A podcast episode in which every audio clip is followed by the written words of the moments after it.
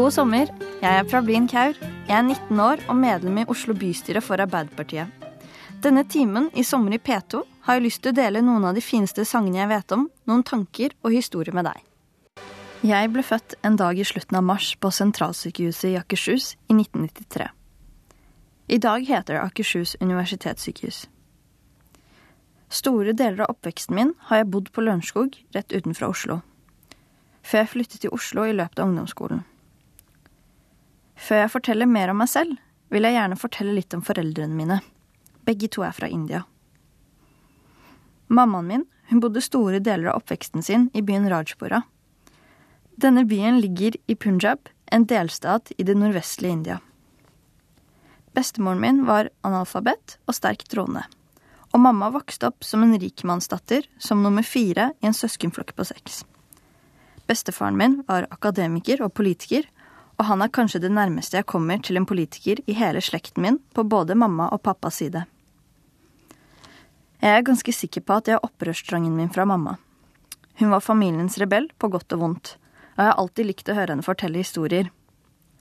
Mamma var jenta som kjørte motorsykkel og banket opp guttene som yppet med henne.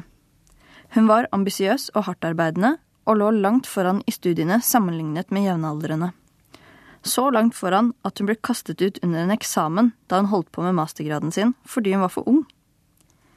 I 1986 kom mamma inn på folkehøyskole i Norge, og hun flyttet hit. Da kjente hun ingen. Det var ensomt, og hun brukte tiden sin på studier og jobb. Med årene etablerte hun seg i Norge, kjøpte seg leilighet, jobbet som kokk og kassadame, før hun begynte å drive sin egen restaurant. Det var en februardag i India i 1991 hun møtte pappa. Pappa er den eldste i en søskenflokk på fem og vokste opp i landsbyen Nabba i Punjab. Bestefaren min jobbet på gård, og inntektene gikk til hele familien, og bestemor var husmor. Pappa og vennegjengen hans på fem var rampete. Da han ble eldre, endret det seg. Han fikk mer ansvar, ble mer seriøs og begynte å ta skolen mer på alvor. Da en venn av han kom på forsiden i skoleavisen fordi han var kaptein på skolens landhockeylag, bestemte også pappa seg for å satse. Senere spilte han også på det norske landslaget i landhockey. Det var ikke akkurat som å spille for India, men landslag er landslag. Da pappa ble eldre, tok han en bachelor i matematikk før han møtte mamma. Foreldrene mine giftet seg i mars 1991 i India. Dagen etterpå dro mamma tilbake til Norge. Pappa kom et drøyt år senere. Han jobbet litt som fabrikkarbeider og vaskehjelp i perioder i Norge, og endte til slutt opp med å kjøre drosje. Mamma jobbet flere år som lærer. Det var Mumford Sons med en White Blank Page. Du hører på Sommer i P2 med Prablin Kaur. Da jeg begynte på barneskolen, var det veldig fint i starten. Jeg trivdes godt. Alle hadde noen å leke med. Alle ble invitert til hverandres bursdager, og alt var slik det skulle være. De to første årene på barneskolen gikk veldig bra. Men så begynte ting å forandre seg. Jeg fant ikke en gjeng jeg passet inn i. Jeg måtte spørre de andre barna om jeg kunne få være med å leke. Jeg fikk mange kallenavn, ble holdt utenfor. Jeg ble mobbet. Det ble vondere å være på ungdomsskolen, og det gjorde noe med meg både fysisk og psykisk. Men jeg søkte trøst i religionen. Det ble viktigere og viktigere for meg. Begge foreldrene mine kommer fra familier der religion har spilt en stor rolle. Jeg hadde et relativt avslappet og pragmatisk forhold til sikhismen da jeg var yngre. Det var først etter å ha begynt på skolen jeg fikk større interesse for religionen. Jeg leste mye om ulike religioner, prøvde å sette meg mer inn i sikhismen. Jeg hadde fått vite mye av foreldrene mine og andre sikher, men det var først da jeg utforsket religionen på egen hånd, at jeg klarte å sette mitt eget liv i perspektiv og se hvor mye de grunnleggende verdiene som likestilling, likeverd, nestekjærlighet og ytringsfrihet betød for meg. I tredje klasse hadde jeg begynt å spille harmonium og synge hymner fra Sikenes hellige skrifter Siri og Granserbji. Å drive med religiøs sang hadde vært en befrielse i motgangen, og etter hvert hadde jeg begynt å sette meg inn i hva de ulike hymnene jeg sang betød. Jo eldre jeg ble, jo mer tid brukte jeg. Jeg tilbrakte mye tid i det gule bygget på Alnabru. Det hadde vært sikhenes første gudshus, Gurdwara, som det heter, i Norge, og eneste i Oslo. Jeg husker det kriblet litt i magen da jeg satte skoene på reolene og hang fra meg jakken på en kleshenger i garderoben. Deretter dekket jeg hodet med et sjal. Dette var jo selvsagt før jeg begynte med turban. Før jeg vasket hendene og gikk inn. Hovedsalen kalles divansalen, og jeg kjente alltid en ro velte innover meg da jeg gikk inn i det hvite rommet. Et rødt teppe ledet frem til podiet der skriftene lå. Det var pyntet med fine tekstiler, og til høyre i salen var det en liten scene. Jeg hadde sittet der oppe utallige ganger, spilt harmonium og sunget hymner. I en alder av elleve år ble jeg praktiserende sikh, og da jeg var tolv år begynte jeg å bære turban. Jeg hadde lenge hatt et sterkt ønske om å gjøre det, men jeg følte meg ikke modig nok. Jeg møtte en rekke sikh-kvinner som hadde tatt valget før meg, og lyttet nysgjerrig til erfaringene deres. Det inspirerte og motiverte meg, men jeg turte ikke å ta steget fullt ut. Likestilling er det aller mest grunnleggende i sikhismen, og det var nettopp derfor religionen oppsto i Nord-India i 1469, for å ta sterk avstand fra kjønnsforskjellene og klasseforskjellene som eksisterte i India. Religionen forkaster alle former for grunnløse ritualer og overtro. Turbanen er en religiøs plikt, og den er påbudt for menn, men er frivillig for kvinner. Hodeplagget er kjønnsnøytralt, og har gjennom historien blitt selve symbolet for sikhenes kamper for likestilling, minoriteter og kvinners rettigheter og religionsfrihet. Sikhene tok den aktivt i bruk for å bekjempe et kastesystem der det å bære turban kun var forbeholdt de høyeste kastene og kongene. Det er derfor turbanen symboliserer en krone og grunnleggende verdier som solidaritet, likestilling og religionsfrihet. Jeg ville gå med turban ut fra et likestillingsperspektiv. For meg har det vært viktigere å tørre å praktisere likestillingen enn å bare ha mot til å snakke om den. Noe av det første man legger merke til når man ser meg, er kanskje turbanen min. Den er så å si alltid svart. I russetiden klarte til og med noen av vennene mine å overtale meg til å gå med rød turban. Det var bare i noen få dager. Jeg foretrekker at den er svart, for da passer den til alt. Det var Long Nights med Eddie Vedder. Du hører på Sommer i P2 med Prablin Kaur. Det siste året har jeg skrevet en oppvekstskildring som handler om hva jeg har opplevd fra da jeg var bitte liten og frem til i dag. Boken heter Jeg er Prablin og kommer til høsten. Nå skal jeg lese et utdrag fra den. I september 2011, omtrent tolv år etter min første skoledag, satt jeg i et rom på Akershus universitetssykehus. Det var en av mine første timer hos psykolog ved Senter for sorgstøtte, og jeg syntes hele opplegget var tåpelig. Ikke skjønte jeg hvorfor foreldrene og vennene mine tvang meg til dette. Skulle et rom med et stearinlys på bordet og en psykolog klare å hjelpe meg? Jeg hadde alltid klart ting selv. Jeg hadde hatt to-tre timer før denne, uten at vi hadde kommet til sakens kjerne. Vi hadde snakket litt om det å føle seg utenfor eller å bli mobbet da vi begynte å gå kronologisk gjennom ulike hendelser. Uten forvarsel spurte psykologen. Har du sett små barn leke? Ja, det har jeg gjort mange ganger. Jeg trakk likegyldig på skuldrene. Har du sett på dem når de leker? Altså, jeg har sett små barn leke, men aldri vært opptatt av hvordan de leker. Jeg har ikke tenkt noe spesielt på det. Hvordan det? Små barn er veldig sårbare, og de kan være veldig slemme mot hverandre. Det vet du godt. Tenk på barn i barnehagen, eller de som akkurat har begynt på skolen. De er så små. Og det samme er omgivelsene deres. De har bare det de ser, og hvis noen er slemme mot dem, så blir de værende der. De har ikke noe annet å gå til. Når man blir eldre eller voksen, hender det man slutter å bry seg. Hvis noen er kjipe, svarer man tilbake eller går et annet sted. Fordi man har mer enn det som er der og da, og fordi man selv er mer enn hva andre vil at en skal være. Lyset fra stearinlyset flakket i rommet.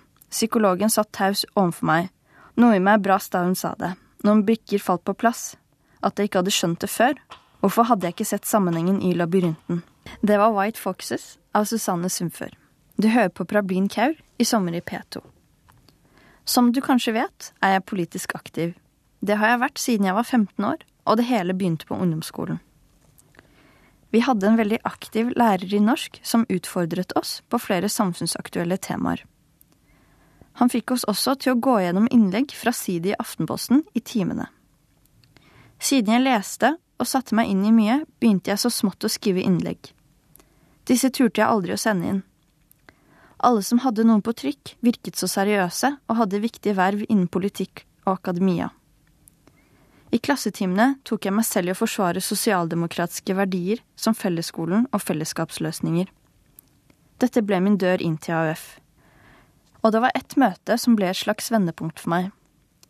Etter det møtet turte jeg å sende inn leserinnlegg med fullt navn, og jeg ble etter hvert mer aktiv i AUF. Nå skal jeg lese et utdrag fra boken min.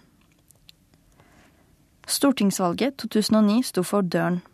Det var én politiker jeg så dypt beundret. Jeg ville så gjerne møte henne, snakke med henne, fortelle henne at jeg også var medlem i AUF og ville bli mer aktiv i politikken. Hun het Hadia Tajik. Jeg fulgte henne nøye i media, så henne på TV, leste leserinnleggene hennes i avisen og la henne til på Facebook. Hun godtok, og jeg hadde vært kjempeglad en hel dag, men det tok litt tid før vi møttes første gangen. En dag logget jeg inn på Facebook i sommerferien. Da så jeg at jeg hadde blitt invitert til en debatt på Rådhusplassen. Den var i regi av Skeiv Ungdom i forbindelse med Skeive dager. Temaet var homofile minoritetsmiljøer. Politikerne i panelet var SVs Akhtar Chaudhry, Venstres Abid Raja, en ungdomspolitiker fra FPU og Arbeiderpartiets Hadia Tajik. Herregud, Hadia Tajik. Jeg tenkte meg ikke om to ganger før jeg klikket attending på arrangementet, og noen dager senere dro jeg for å overvære min første debatt. Jeg tok T-banen til Nationaltheatret og gikk nedover mot Rådhusplassen. Det var veldig varmt, og jeg holdt godt rundt vannflasken min. Det var mange mennesker. Jeg gikk litt rundt til ulike stands og så på materialet de hadde. Prøvde å finne ut hvor på festivalområdet debatten skulle være. Til slutt fant jeg frem. Jeg gikk forbi Abid Raja. Han sa hei, og jeg smilte tilbake og sa hei. Men jeg kunne ikke se henne. Jeg tok meg forsiktig frem og fant en ledig sitteplass, og satte meg med programmet i hendene. Jeg fiklet med det, og leste gjennom det flere ganger mens jeg ventet på at debatten skulle begynne. Der var hun. Jeg ble så glad. Jeg hadde vært redd for at hun ikke skulle komme. Alle paneldeltakerne holdt åpningsinnleggene sine.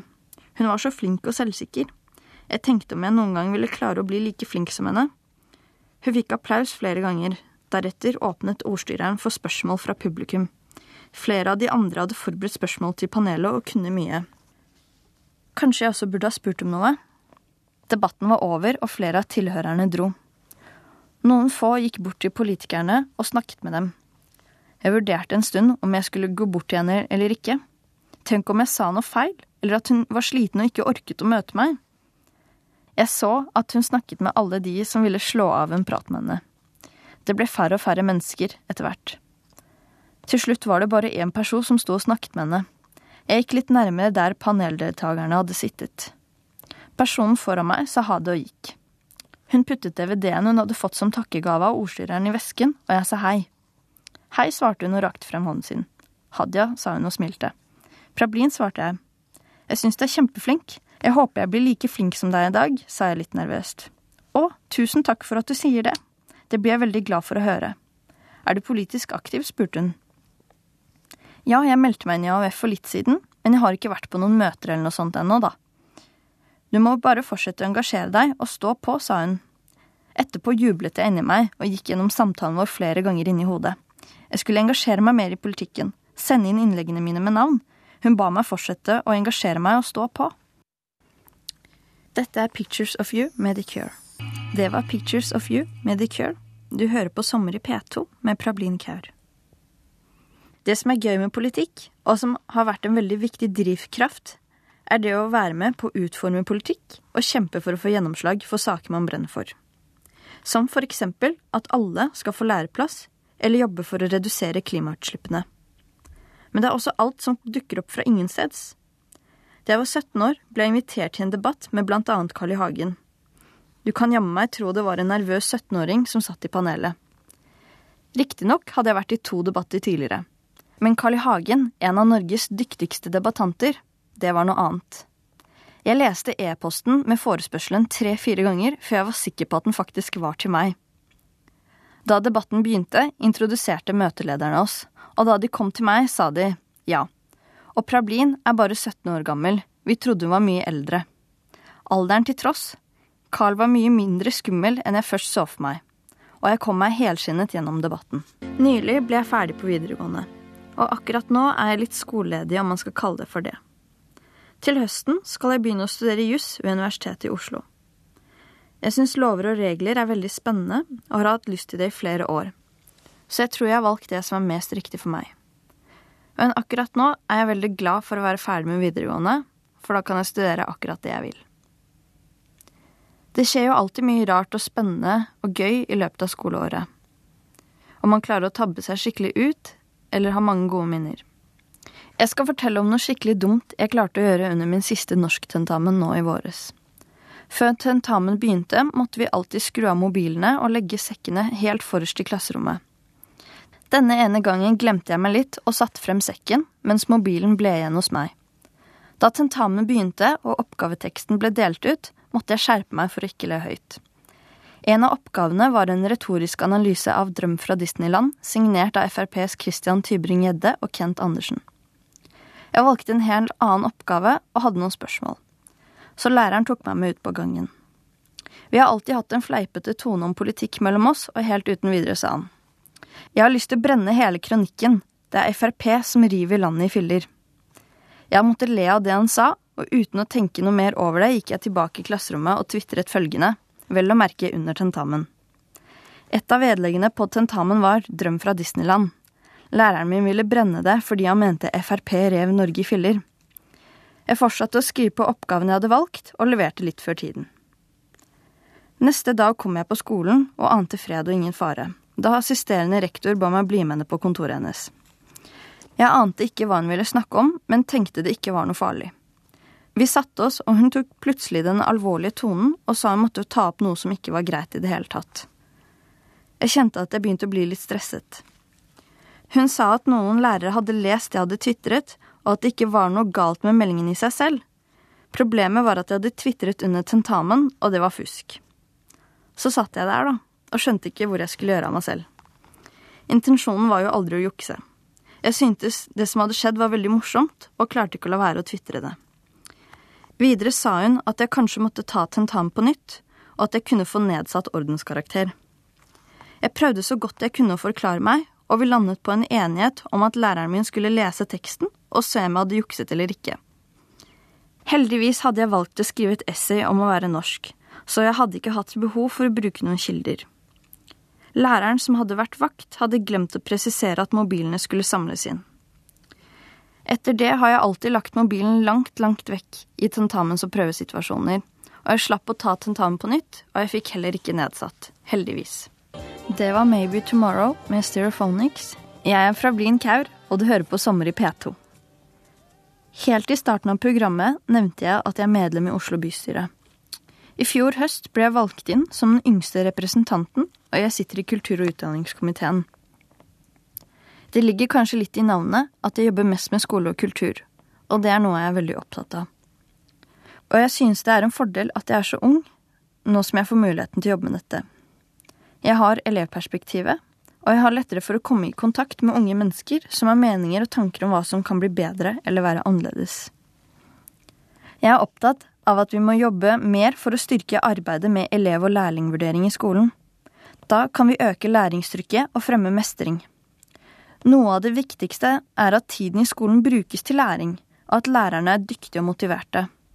Hvis det er noe du lurer på eller er opptatt av, så håper jeg at du tar kontakt. Du finner meg både på Facebook og Twitter. Helt til slutt vil jeg spille en sang fra et av bandene som har gjort mest inntrykk på meg, nemlig Joy Division. Jeg ble for drøye to år siden introdusert for dem av en venn, og siden har jeg hørt mye på dem. Sangen du nå skal få høre, heter Disorder og handler veldig enkelt om at alt er relativt. Jeg håper du får en fin sommer. Takk for følget.